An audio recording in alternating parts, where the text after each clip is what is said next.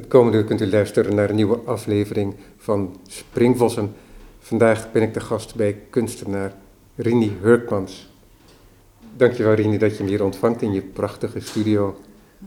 Dag Robert, Ja, leuk dat je er bent. Ja, met uitzicht over het eh, Nieuwe Meer. Ja, Wij zitten hier bij elkaar om te spreken over één werk. En dat ene werk is, zou je kunnen zeggen, een cluster van werken. Ik heb dat zes, zeven, misschien al wel acht weken geleden gezien bij Lumen Travo aan de Lijnbaardgracht in Amsterdam. En dat werk dat is verzameld onder de titel Pietà, een heroverweging van een gebaar, a reconsideration of a gesture.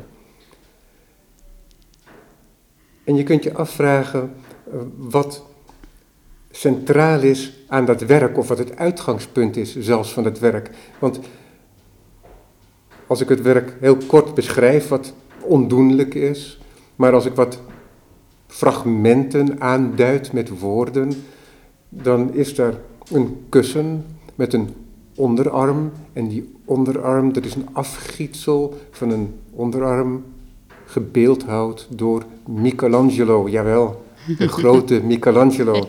En dat is een kopie. En het is een afgietsel van het origineel misschien zelfs. Dat wat je in de tentoonstelling ziet is ehm, niet een afgietsel, maar dat is een marmeren eh, gemaakt door een eh, atelier. Oh ja, natuurlijk. Ik herinner me Ja. nu ook weer de video die ook centraal is in, Ja. in het werk. Ja. Ja, dat Ja. is, eh, daar, ze hebben in Carrara, daar waar dat marmer ook van de Pieta van Michelangelo vandaan komt, hebben ze een één op één kopie gemaakt van de linkerarm, vanaf de elleboog met de hand, de linkerhand. Ehm, en dat hebben ze ook daar gedaan ehm, naar eh, model van een levensgrote Pieta die ze daar hadden staan. Dat is een eh, studio wat eh, hele beroemde beelden nakopieert uit marmer. En die hadden gelukkig ook zo'n Pieta staan. En die hebben heel precies uit een brok marmer één op één die arm uit, eruit gehaald, Ja. eruit getoverd. ja, dat is heel mooi om te zien ook, inderdaad. Ja. Ik ben het gesprek ingegaan zonder het werk opnieuw te zien. Mhm.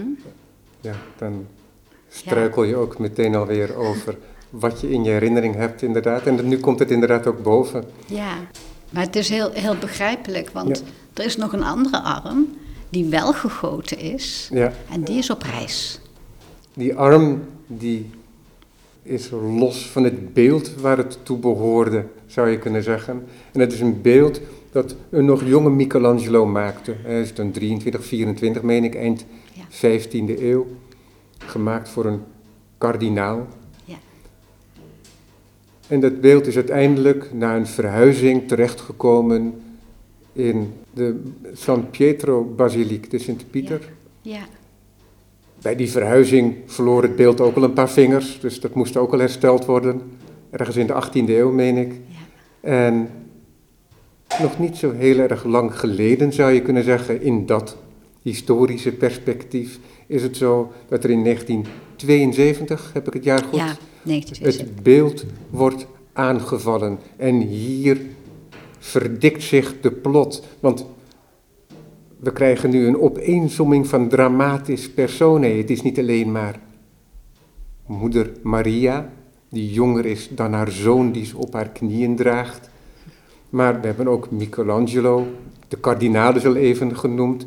En nu is er ook een persfotograaf die een voorval vastlegt in 1972. Namelijk dat Laszlo Tot, een Oostenrijker van Hongaarse komaf, geoloog, het beeld met een geologenhamer, een hamer gemaakt om te doen versplinteren, het beeld te lijf gaat. Daar ook gedeeltelijk in slaagt, het beeld ook beschadigd, ooglid, mm, geloof ik, een deel van de neus, in ieder geval de linker vrij zwevende uitgestoken arm van Maria. En deze Laszlo Tot wordt in eerste instantie, als ik het me goed herinner, overmeesterd door een Amerikaanse beeldhouwer die daar op bezoek is, Bob Casserly. Oh. Ja, nou ja, zo heb ik het ergens gevonden. Dus het wordt echt een theaterstuk op deze manier.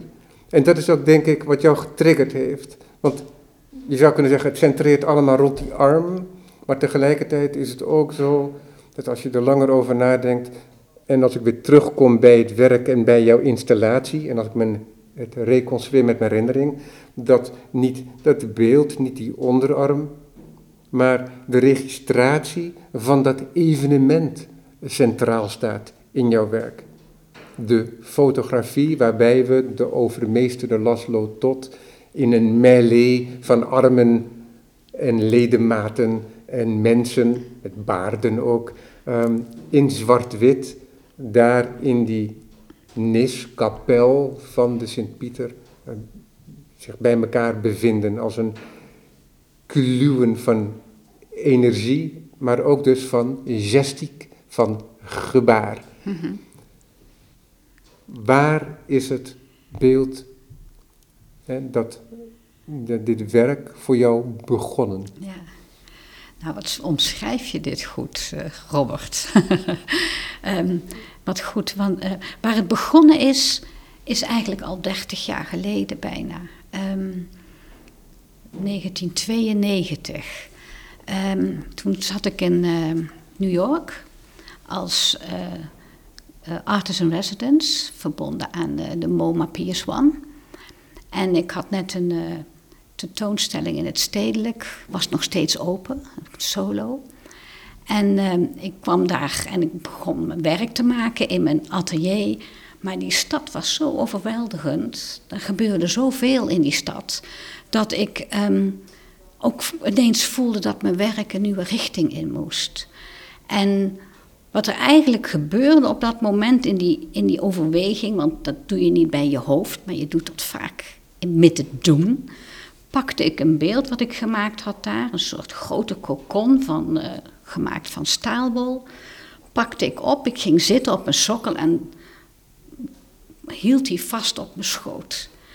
Ik, ik plaatste mezelf tussen de, represent, of de presentatievorm, de sokkel, en het beeld. Want er was iets aan de hand van, waar, wat is mijn plaats hierin? Ik ben degene die het maakt. Maar je geeft het op een gegeven moment weg aan het publiek.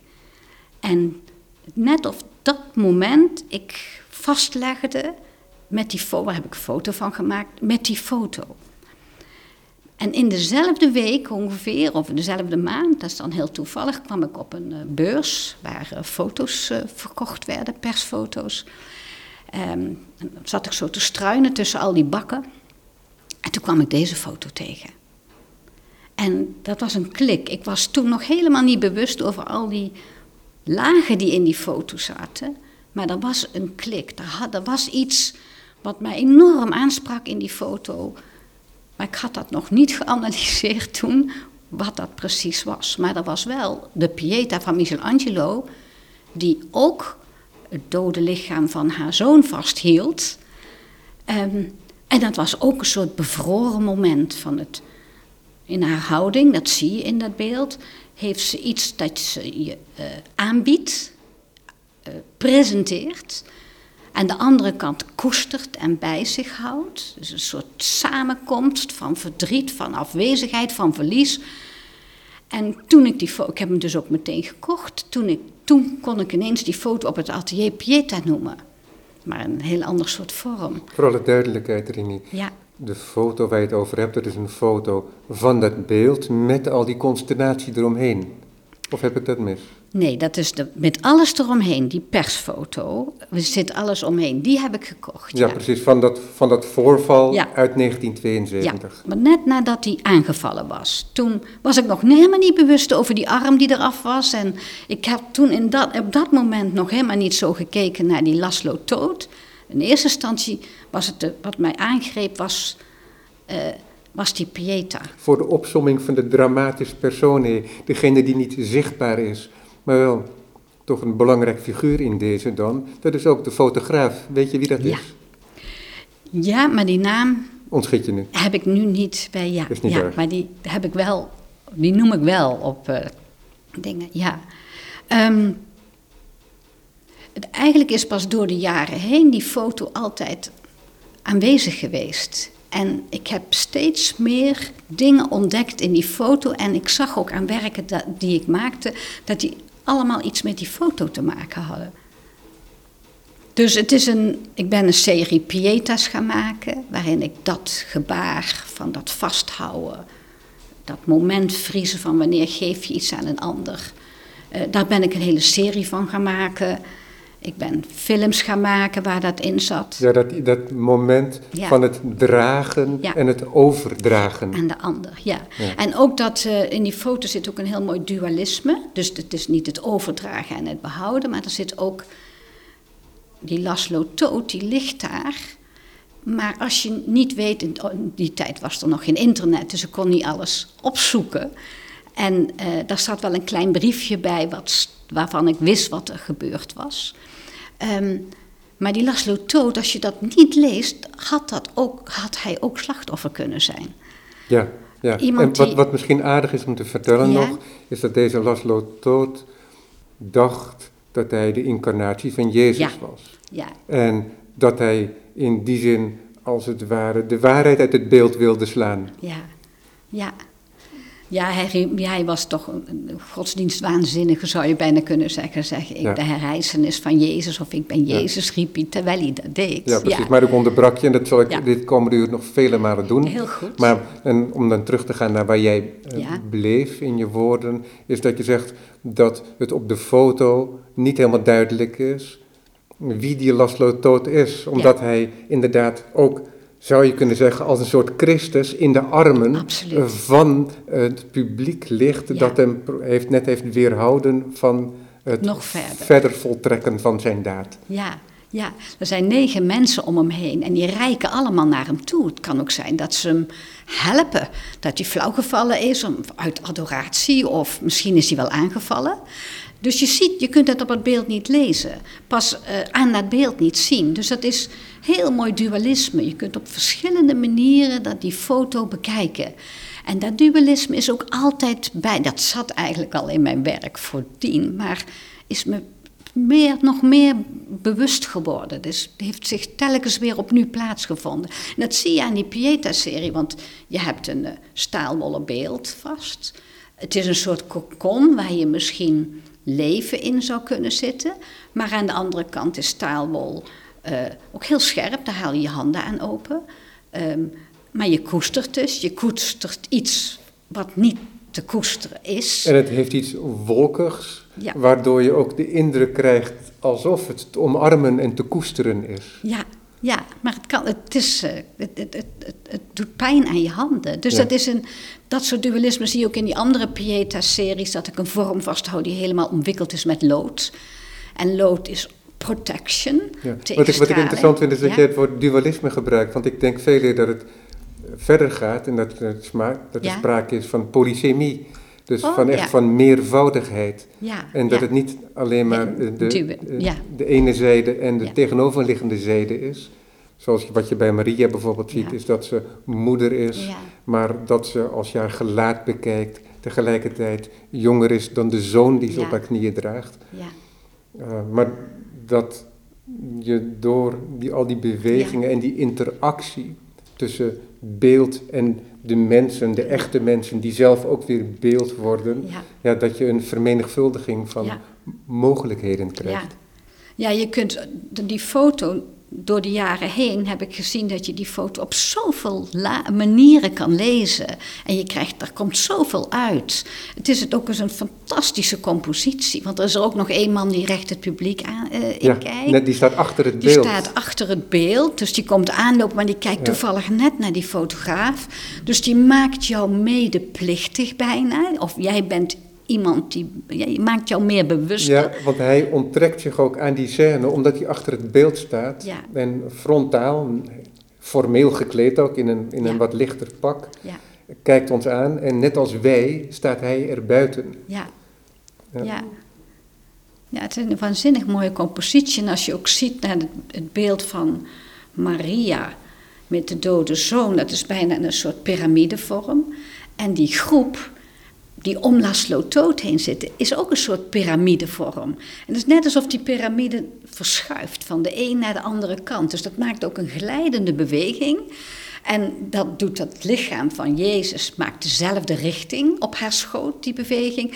Dus alles in die foto wijst naar eigenlijk alleen maar het hoofd van Laszlo Toot.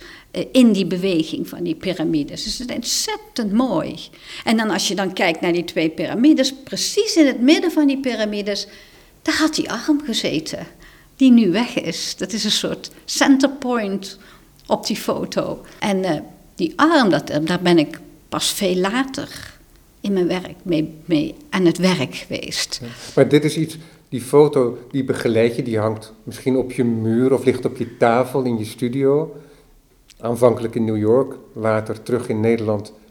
Je hebt hem meegenomen, je bent hem blijven koesteren. Ja, maar hij heeft heel lang ook in mappen gezeten en niet zichtbaar. Ja, wanneer is die weer tevoorschijn gekomen? Want, dit, want wat je nu zegt, dat die, die, is dat die blik, jouw blik op die foto ook ontwikkelde. En dat je een soort interactie kreeg van het, de beelden die je maakte met die fotografie.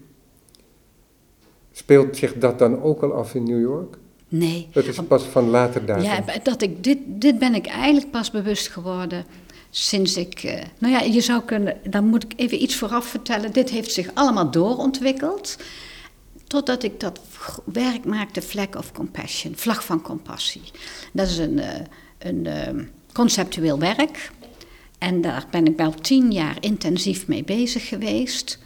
Daarin onderzoek ik ook hoe kan een kunstwerk ethische vragen stellen in de wereld. Um, we kunnen daar natuurlijk heel veel over vertellen, maar we hebben het nu over de Pieta. Maar dat is een werk wat dus bestaat uit een vlag, uit het woord compassie, uit uh, een manifest, een stichting die het beheert, een website die communiceert. Dus het is een, allemaal elementen die tezamen dat werk maakt. En um, uh, daar, dat is ook een soort gebaar. Iedereen, er is zijn er een hele hoop uh, gedrukt. Hij ging voor het eerst Grote Wereld in 2008 in uh, Sonsbeek met Grandeur, de tentoonstelling die Anna Tilho toen heeft georganiseerd. Daar ging hij voor het eerst de wereld in. En er zijn allemaal verschillende mensen die kunnen uh, die iets met die vlag kunnen gaan doen en doen. En wij, de stichting vangt dan de verhalen en de foto's. En dit is ook een soort gebaar waarin je uh, mensen uitdaagt, of dat kunstwerk daagt mensen uit, om na te denken over een ethische kwestie, wat is compassie, en uh, waar, waar, wanneer gebruik je die vlag, in welke context doe je dat. En nadat ik daar zo lang dat die mee bezig ben geweest, en op een gegeven ogenblik in de wereld stond, en nu het bestuur dat helemaal zelf doet zonder mij, toen dacht ik, kwam ik echt op een moment van.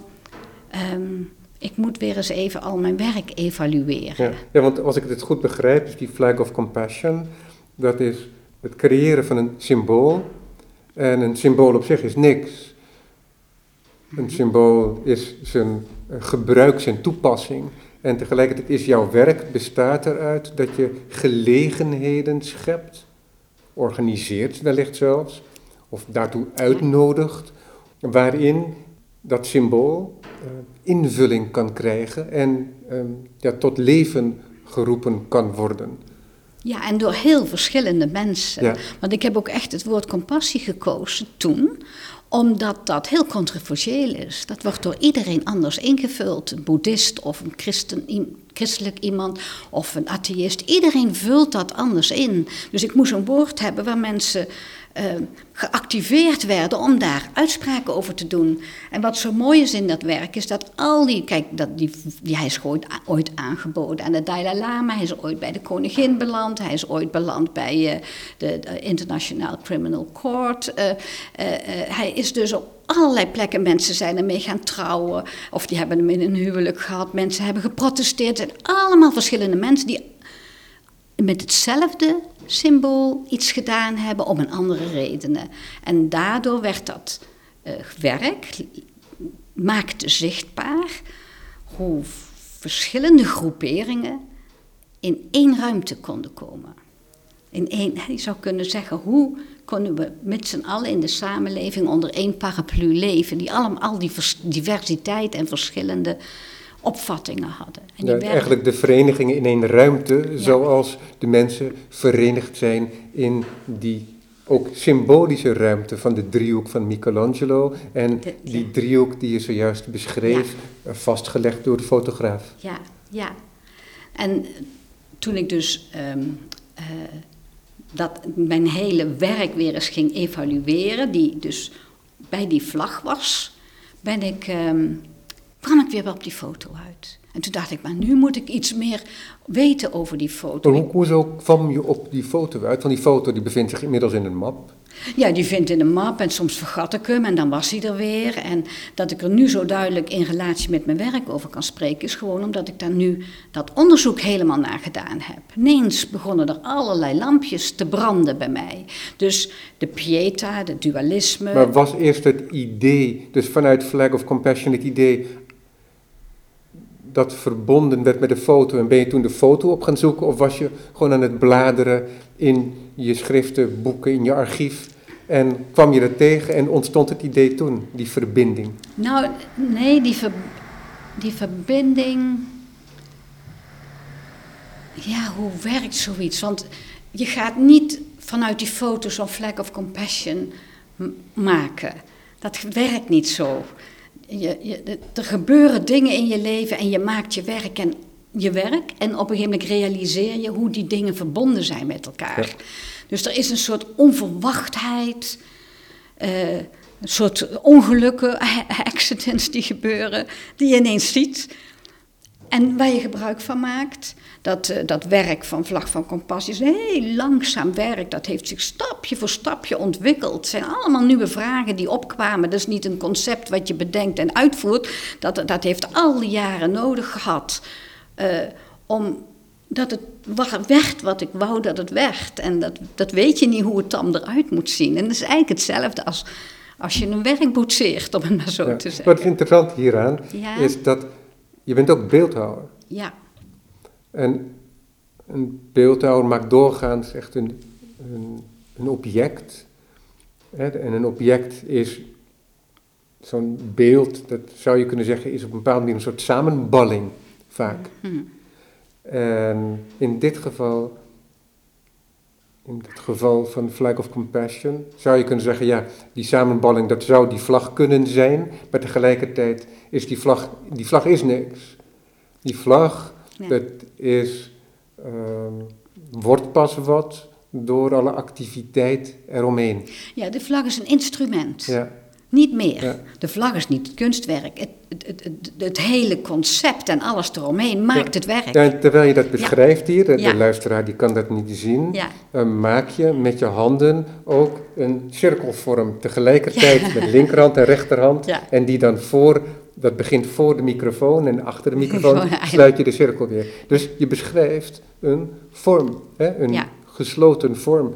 En, en, maar die vorm is niet gesloten.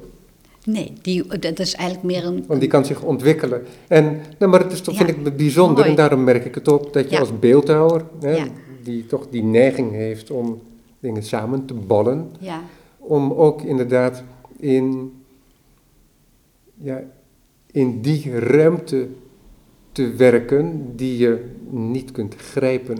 Hè? Dus um, een soort sociaal werk is het in die zin ook. Nou ja, het, is, het heeft niet een sociale intentie gehad, maar dat gaat het soms doen. Nee, maar in, als, dat bedoel ik in deze zin, dat het sociale, dat is niet iets grijpbaars. Hè? Dat is de interactie tussen de verschillende elementen in een maatschappij of in de wereld of een bepaalde plek. Ja. En ja, die interactie, die is niet grijpbaar. Ja. Nee. Die veroorzaakt van alles en, is, hè, en wordt veroorzaakt door van alles.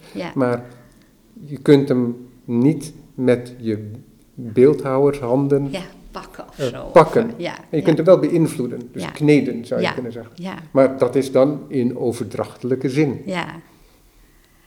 Ja, nou, wat ook wel mooi is als je die, dat zo in dat verlengde denk ik soms dat een beeldhouwwerk wat je wel kan pakken, dat ook doet.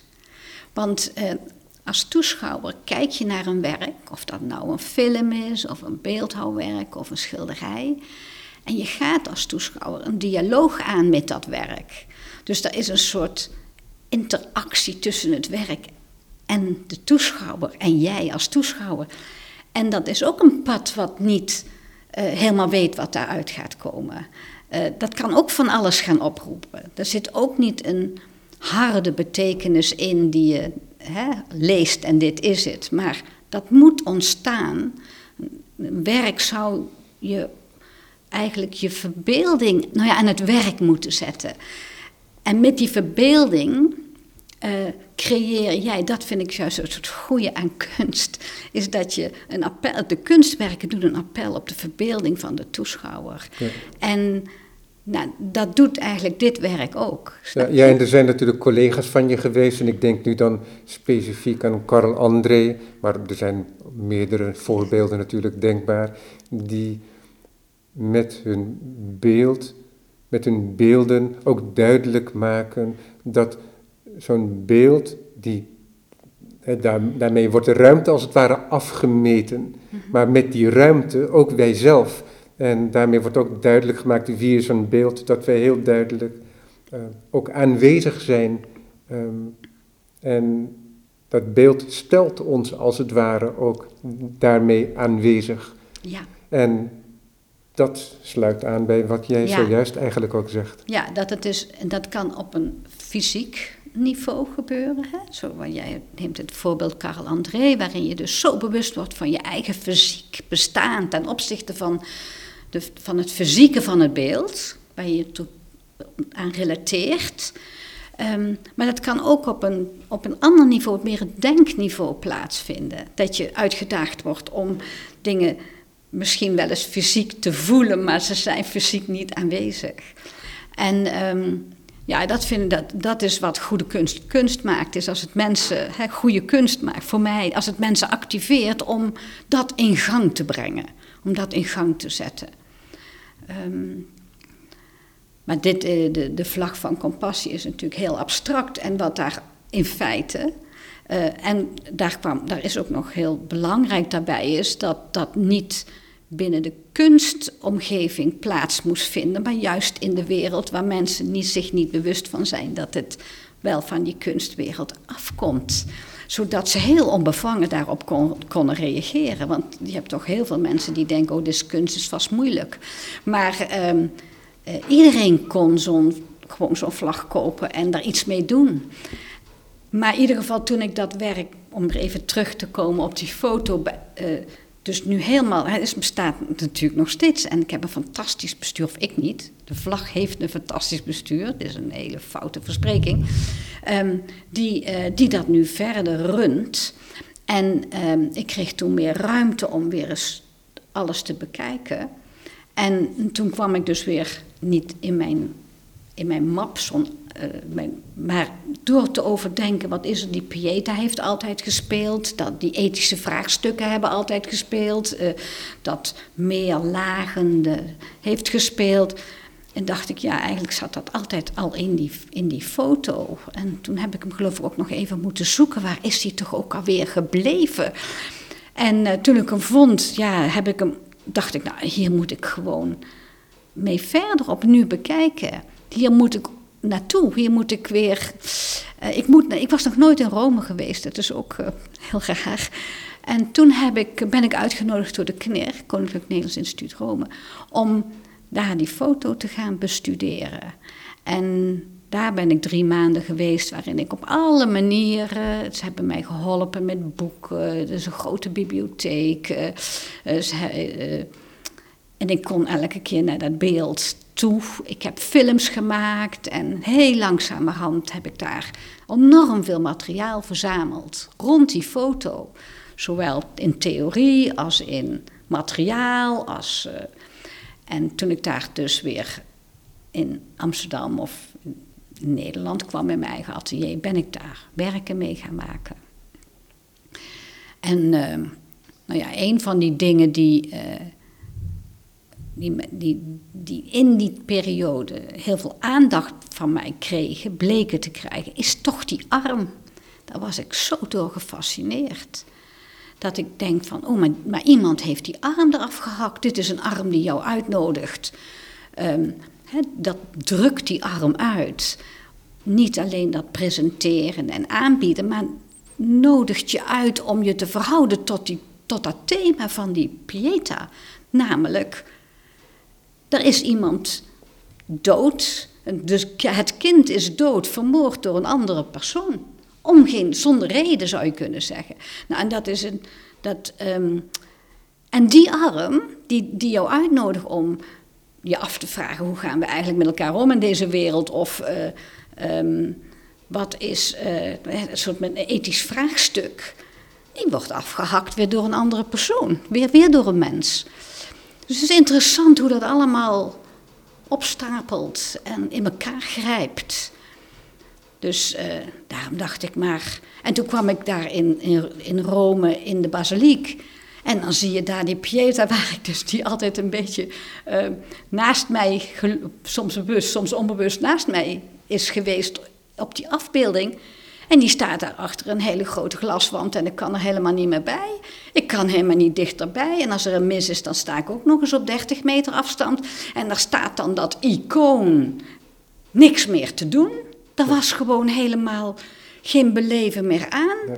En er zijn honderden mensen die daar dagelijks een foto maken. En dan zie je ze in hun device inzoomen. Om toch iets dichter bij die Pieta te komen en bij dat gebaar te komen. Hè? Dus er is, dat, dat, dat beeld heeft heel zijn oorspronkelijke bedoeling van Michelangelo is verloren gegaan. Wat ook interessant is om daarbij te vermelden, is dat er over de wereld verspreid tientallen ja. kopieën bestaan. Ja. Waarvan één het dichtste bij, denk ik, in Horen. Oh, oh ja.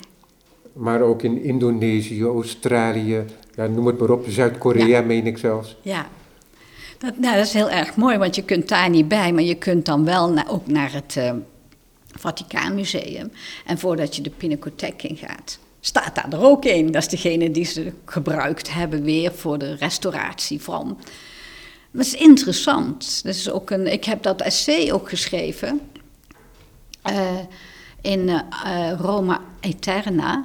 En daar tip ik al een klein beetje aan wat is nou het belang van een kopie? En wanneer is een kopie nog steeds, uh, doet een kopie nog steeds wat het doen moet en wanneer niet? dat is heel interessant. Ik ben daar nu in aan, meer over aan het schrijven, omdat ik dat toch heel mooi vind. Want kan dat gebaar, en ik werk daar natuurlijk mee met die kopieën, kan zo'n gebaar nog steeds een gebaar zijn? Kan dat nog steeds doen wat je zou willen? Dat het deed. Dat was ook echt zo'n vraagstelling die ik in Rome had. En vandaar dat ik dus naar Carrara ben gegaan. En ja, toen gedacht heb van, nou dat is er afgehakt. Ze hebben hem nooit helemaal kunnen, in elkaar kunnen lijmen, omdat het... Dus ook mooi de toeristen meteen stukjes meegenomen hebben. Dus ja, ik vind ook dat, de, dat de, de flank van de neus die eraf is geslagen mee is genomen en nooit geretourneerd. Want er zijn wel stukjes geretourneerd, maar niet alles. Ja, dus het is, uh, is ook wel weer mooi, ieder meteen zijn aandenken willen hebben. Um, nou, dat is waarom ik dus gedacht heb, laten we eens zo'n arm hakken. Ja, maar dan maak je zo'n, dan ga je beginnen aan zo'n onderzoek. En dat doe je ook omdat je richting werk wilt gaan. Ja, ik wil, ik, ik, richting, ja, want ik wil een nieuwe, een, nieuwe, een nieuwe fase in. Net als ik die nieuwe fase in moest in New York, moest ik nu ook weer een nieuwe fase in. En ik merkte ook wel, Robert, dat um, dat ambachtelijke, dat maken, uh, dat deed ik nog wel, maar was, die vlag nam ook heel veel tijd in beslag. En ja, je moet toch een uithoudingsvermogen hebben dat je dat heel rustig stap voor stap in de wereld zet, want anders werkt het niet. En nu is er dat mooie boek uit, hè, uh, Passion, Compassion, A Paradox in Art and Society, waarin dat hele werk van die vlag wordt bediscussieerd. Ik heb nog een artikel geschreven, dat komt deze, dit, deze maand, volgende maand uit. En dat is een internationaal boek over flags en colors, waar ik als enige kunstenaar geloof ik een stuk in geschreven heb. En dan is het afgerond en ik moet weer um, verder. En ik merkte dat ik weer heel veel ook um, behoefte had om te maken. Meer weer te maken. Dus ik heb uh, weer voor het eerst klei, ben ik weer met klei begonnen. En dat deed ik vroeger weer, maar ja, zo verhuisd dat. Maar op een hele andere manier. Een hele andere manier benader ik nu in dit stadium ook weer mijn materialen. Maar je, daar, je hebt het over nu. Nu, Dus ja. de tentoonstelling in Lumentravo, die is weliswaar niet open voor publiek nu, maar die is nog steeds zichtbaar. Ja. Dus wellicht binnen een paar weken. hè, Gaat die nog even hopen. open? Ja. Ehm, maar je bent tegelijkertijd ook weer hier bezig. En is dat nog steeds gerelateerd Ja. aan dat werk wat in de galerie nu Ja. te zien is? Ja. Want in de galerie is er een video te zien, een documentaire, een video van het herscheppen van die, Die van, die, van die arm. We hebben de arm als een soort reliek tentoongesteld op een kussen in het kantoorgedeelte. Eh, er zijn v- de foto, de persfoto uitvergroot met ehm, allerlei woorden erop geplaatst. geborduurd. Die is met een borduur. En dat zijn alle vormen van verlies die ik tegen ben gekomen. Op de foto, ook eh, bij de aanval en hoe die nu geplaatst is. Dus vanaf de aanval, wat, wat voor soorten verlies hebben we mee te maken? 33 kwam ik er tegen, ook toevallig. Vormen van verlies. Dus niet alleen de neus en de arm, maar daarmee ook misschien wel de, de reuk, de tast, het zien. eh, en daar eh, ook de, het verlies van de betekenis die Michelangelo eraan had willen geven. Of, ehm, dus er zijn al 33 soorten verlies die ik ontdekt heb, uit die foto gehaald heb. En eh, die, die woorden heb ik op, die, op de foto geborduurd met signaalgeel zodat het een bijna veiligheid of eh, alarm. En echt door de foto heen met die naald en terug. En er was ook eh, dat signaal geel is ook een beetje weer barstig, borduurgaren, waardoor dat ook nog hier en daar wat rafelig wordt. Waardoor ook dat die tactiliteit, die zo belangrijk is en waar al dat werk ook naar wijst, ook voelbaar werd in alleen maar woorden op een foto borduren.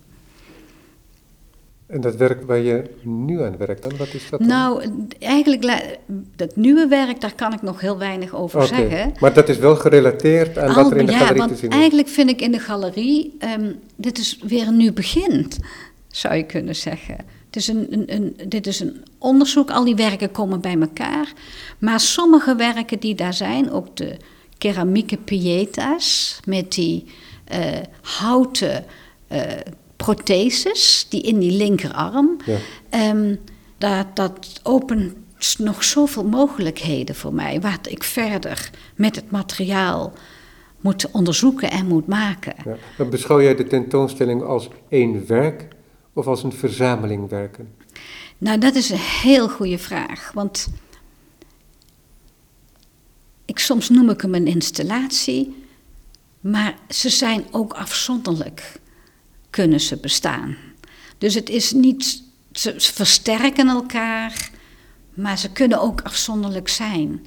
Maar ik heb ze wel in die galerie, in de, in, in, de architectuur van de galerie, zo gecomponeerd dat dat ook allemaal naar elkaar wijst. Ja, ja want het is inter- interessant natuurlijk dat die, eh, laat ik het eenvoudigste voorbeeld noemen, dat het object, hè, Ja. die onderarm op dat kussen, een heel andere betekenis krijgt, geïsoleerd, Ja. als in de omgeving van de persfoto, de eh, volgens mij RAI-documentaire Ja, over die aanslag, ehm, het geborduurde werk van jou met de meervoudige vormen van verlies, hè, die als een soort verwonding van de foto op de foto zijn aangebracht. Ja.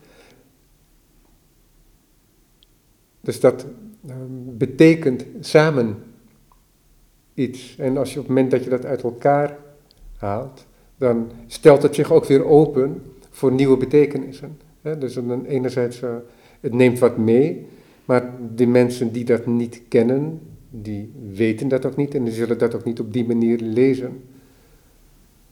Ja, dat, maar daar ben ik dus nu mee bezig. Robert, in, in mijn nieuwe werk. Wanneer kan het weer alleen zijn, zonder die omgeving? Ja. En wat wordt dat nieuwe werk dan? En dat vind ik enorm interessant, want de thematiek, ja, daar ben ik al eigenlijk mijn hele, al mijn werk mee bezig. Zelfs voordat ik naar New York ging, zie je dat ik met dat, uh, uh, daar, het, het afdekken, het isoleren. Ik maakte in die tijd ook vitrines waar werken in zaten. Uh, ik, er is één vitrine waar alleen maar een vitrage in hangt. Heel groot, van drie bij drie of zo. Nu zie je dat terugkomen in die doekjes die ik ook gebruik in die uh, motetfilm. Dat de film die bediscussieert het slachtofferschap en de dader. Dat die twee posities en daar heb ik dan een soort stop-motion film van gemaakt. En dan zie je in die hoofdstukken die doekjes ook naar boven en beneden komen. Dus al die elementen, zelfs van tevoren, die, van de beelden die ik in de jaren tachtig al maakte, komen hier alweer in terug. Dus zoals we het net ook hadden over beeldhouwer of fotograaf of conceptual artist, wat, wat ik nou eigenlijk ben, weet ik niet. Maar ik ben met die thematiek bezig en ik ik heb geleerd me al die media toe te eigenen, zodat ik die in kan zetten. Uh, wanneer ik dat wil en denk dat dat de beste media is voor dat moment. En in deze tentoonstelling komt dat allemaal bij elkaar. De film, het materiaal, de beeldhouw, het conceptuele. Want dat is eigenlijk wat dat beeld, a personal gesture, wat op reis is. Die doet ook iets zoals wat de vlag doet in feite. Want dat is een, uh, een beeld wat. Um, uh, moet ik even iets terug. Um, ik ben in Rome ook in het Vaticaan Museum, het restauratieatelier van het Vaticaan Museum geweest. En uh, de directeur, ik, om te kijken of er mallen waren van het origineel. En, want ik wou eens kijken hoe dicht kan ik eigenlijk bij het origineel komen. En er waren geen mallen van, maar die directeur heeft mij in in uh, contact gebracht met een atelier in uh, Rome, wat mallen maakt van ook van bekende beelden van over de hele wereld. En die mallen maken ze op een hele oude techniek. En daar, uh, daar worden dan kopieën in gegoten. En hun werken ook voor het Vaticaanmuseum. En ik heb aan hun gevraagd of hun dan zo'n mal willen maken, ook om die linkerarm en hand. En hun hadden in het atelier nog een hele oude kopie van 19e eeuw staan van de Pieta. En daar hebben ze die mal omheen gemaakt. Dus ik dacht, nou, dichterbij kan ik niet. Hè? Zoiets, zo voelde dat. En daar hebben ze dus een, in die mal, met die gemaakt in die oude techniek, hebben ze een, uh, een van hetzelfde materiaal waar dat, die arm mee gerestaureerd is, hebben ze weer een kopie gegoten. En dat is een soort imitatiemarmer. En die arm, die, uh, die ligt nu in een hele mooie kist. En op een kussen. En die is op reis. Want uh, ik wou eigenlijk dat dat gebaar weer, ook net als die vlag, bij iedereen, bij iedereen in zijn privésfeer kan komen. Dus uh, ik heb hem in eind november zelf officieel als start ehm, gegeven aan de voorzitter van de Academie van Kunsten, um, Anne Vechter. Eh, ze is ook schrijver en een fantastische dichter. En zij heeft hem meegenomen naar huis. En na een bepaalde tijd gaat zij hem doorgeven aan een volgende persoon. En zo gaat die arm van een naar de ander op reis. En het enige wat ik dus weer vraag, zou je een foto kunnen maken in een zelfgekozen situatie en een klein stukje willen schrijven. En daar wordt weer een archief van aangelegd.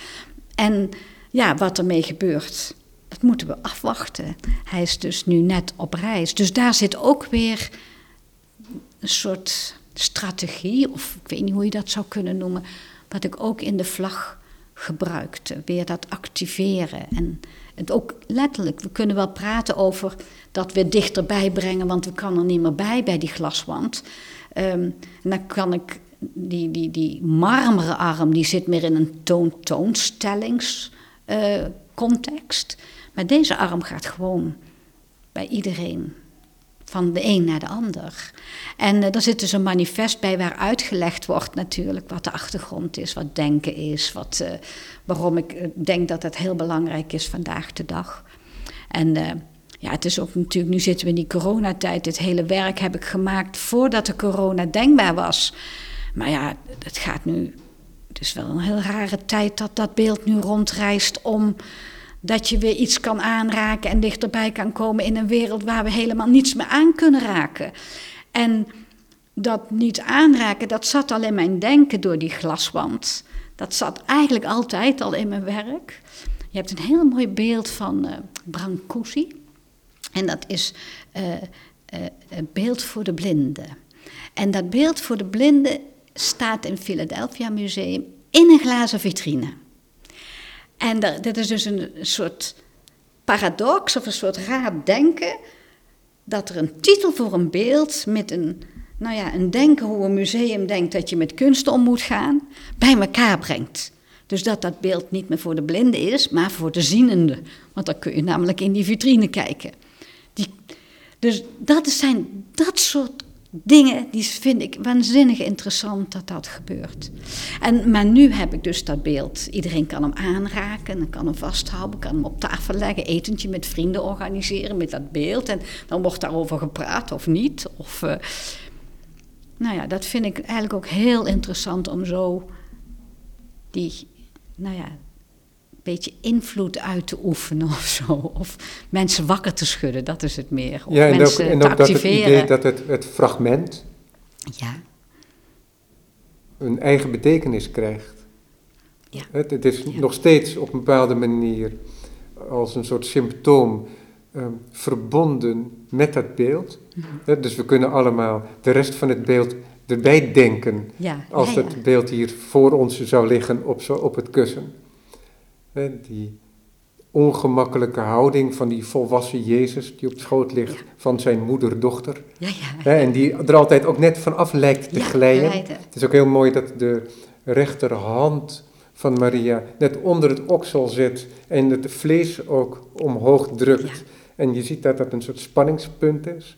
En tegelijkertijd die vrije linkerhand, ik miem haar gebaar nu, hè, terwijl ik tegenover je zit.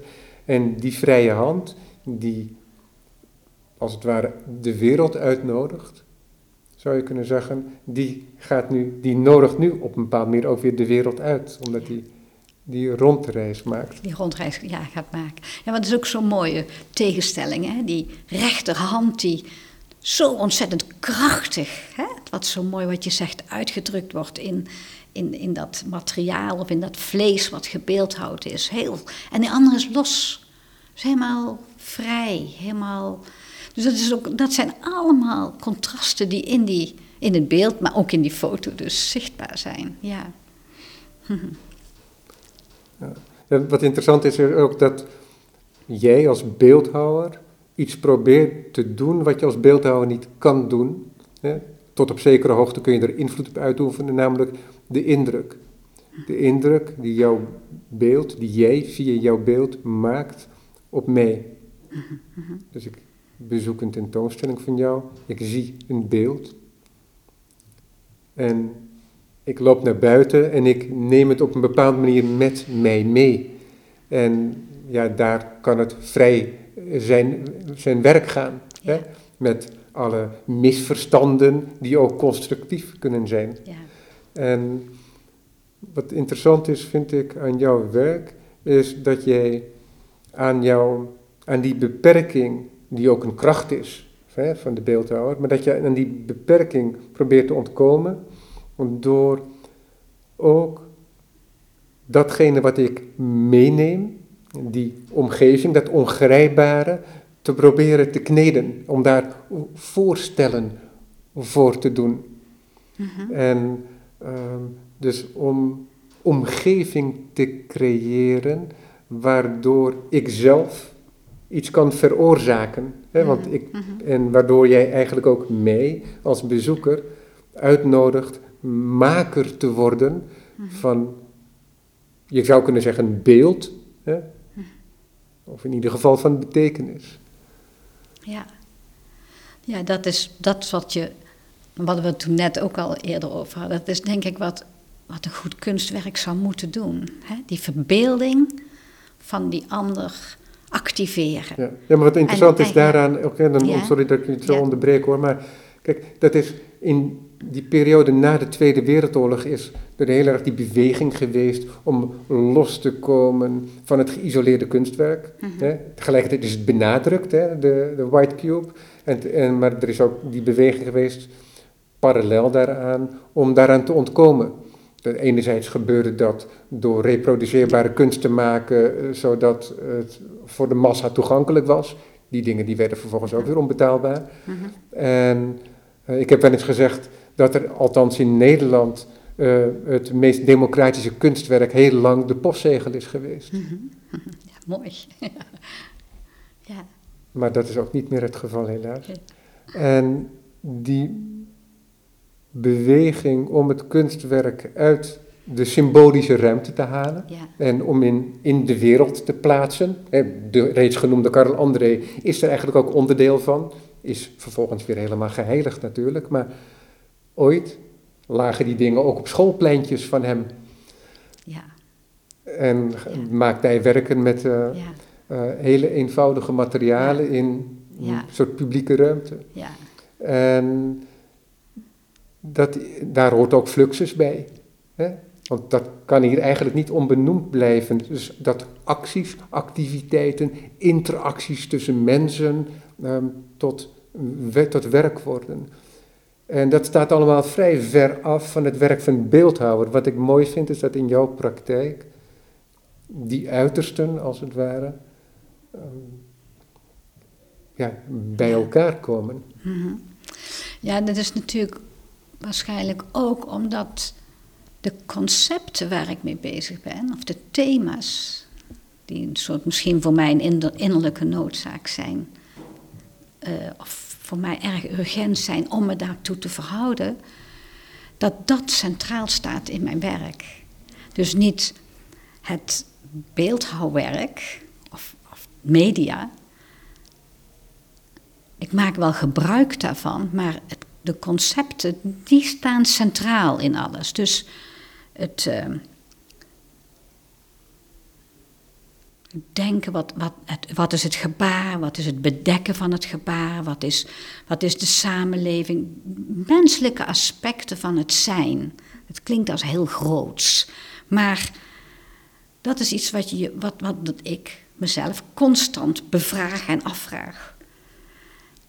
En ja, dan is het op een gegeven moment heel logisch dat sommige werken als een niet-kunstwerk zo genoemd de wereld ingaan en andere weer wel als juist binnen die white cube moeten bestaan. Want elke keer in zijn denken bepaalt het wat het wil zijn. Uh, in, in de ontwikkeling van een werk. Ik kan dus ook niet zeggen van ik ben.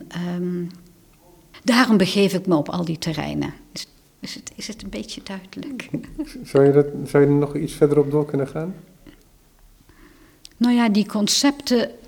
Um, nou ja, die vragen gewoon. Als ik, als ik, het is een logisch gevolg als ik heb over zo'n beeld wat mij confronteert. Het is ook wel heel mooi soms om een ouder werk te nemen en dat uit te diepen en dan de urgente vragen die in dat werk zitten, of in zo'n foto zitten, nu te definiëren in het nu. En dat heeft consequenties. Het heeft voor mij geen zin om nu me te verhouden tot kopieën. Zomaar als kopieën is een kopie wat misschien bij de Fluxus of in, in de jaren 60 misschien wel sprake van wat. Wat, is, uh, uh, wat, is, wat voor betekenis heeft de kopie? Wat heeft de betekenis uh, wat, um, als ik een voorwerp uit de wereld haal en in een white cube stop? Al die vragen die kunstenaars in die tijd stelden, dat is mijn achterban. Dus ik ben niet bezig om die vragen te stellen, want die, zijn, die vragen zijn gesteld en daar hebben, die zijn in ons gaan zitten, hè, zou je kunnen zeggen. Dat, dat, dat, dat, denk- nemen we bij voorbaat al mee in ons denken. Dus hoe kan ik die urgentie weer een nieuwe vorm geven nu? Dat is wat elke keer als kunstenaar moet je verhouden tot het nu. Dus daarom maak je ook elke keer ander werk. Want de tijd is anders, je omgeving is anders, je leeftijd is anders, je bagage is anders. Dus dat nu is, en dat was met de vlag van compassie, was er een urgentie om los van die kunstmarkt werk te gaan maken. Want in die tijd zeker was, die, was dat zo'n eh, gesloten iets waar je niks meer aan kon doen. Ja. En nu jij je presentatie hebt in Lumen Travo, is het ook zo dat, dat die presentatie jou ook weer aanzet om dat werk eigenlijk weer opnieuw te gaan bekijken middels ander werk en in dit geval heel fysiek werk. Ja, Ja. ja. Maar ik kan me ook nog met de film voorstellen, want wat, Sorry, maar Ja, we zijn- oh ja, we, zijn- we aan het einde van het Oké. uur beland. Het is heel lang en het is tegelijkertijd ook heel be- Zo. be- beperkt. We spreken elkaar ongetwijfeld nog eens. ja. Rini. Hurkmans. Dankjewel, Ja, het werk staat nog steeds, weliswaar onzichtbaar nu voor het publiek, opgesteld bij Lumentravo en wellicht dus zichtbaar binnen eh, enige tijd. Dank Ja. voor het luisteren. Dankjewel, Robert.